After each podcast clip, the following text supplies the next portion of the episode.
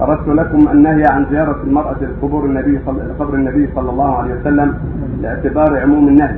وقرأت في الروض المربع كتاب الجنائز ما نصه إلا للنساء فتكره لهن زيارتها يعني القبور غير قبره صلى الله عليه وسلم. نرجو تعليق سماحتكم والدعاء لنا الثبت والاجتماعي في الدرس الأعلى. هذا الاستثناء لا وجه له وبعض الحنابله وغيرهم إلا قبر النبي صلى الله عليه وسلم قبر صاحبيه فان النساء يزورنه هذا لا أصل له.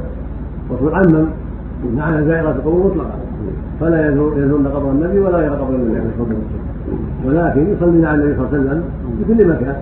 النبي عليه الصلاة والسلام قال لا تجعلوا قبري عيدا عيدا وصلوا علي وإن صلاتكم تبلغ لحيث كنتم اللهم فيصلي على النبي صلى الله عليه وسلم في بيوتهن في الطريق في مسجده صلى الله عليه وسلم في كل مكان ولا حاجة إلى زياره القبر ولا قبور أخرى.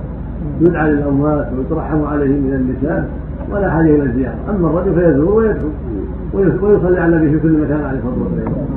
يصلي عليه الصلاة والسلام في بيته وفي الطريق وفي المسجد وفي السفر وفي الإقامة وفي الطائرة وفي السيارة وفي القطار وفي كل مكان يكشف الصلاه عليه الصلاه والسلام إن الله وملائكته يصلون. على النبي يا أيها الذين آمنوا صلوا عليه وسلموا تسليما. ونعم الرجال والنساء جميعا في كل مكان. وقال عليه الصلاة والسلام من صلى علي واحدة صلى الله عليه بها عشرا فانت تكثر الصلاه على النبي صلى الله عليه وسلم في كل مكان وهكذا النساء يكثرن من الصلاة والسلام على رسول الله في كل مكان كما يكثر الجميع من ذكر الله سبحان الله والحمد لله ولا إله إلا الله والله أكبر. في كل مكان هكذا الصلاه على النبي صلى الله عليه وسلم. هذه أعمال صالحة يقولها المؤمن ويأتي بها في مسجده في طريقه في بيته في طائرة في الجو سيارة في قطار في باخرة في كل مكان.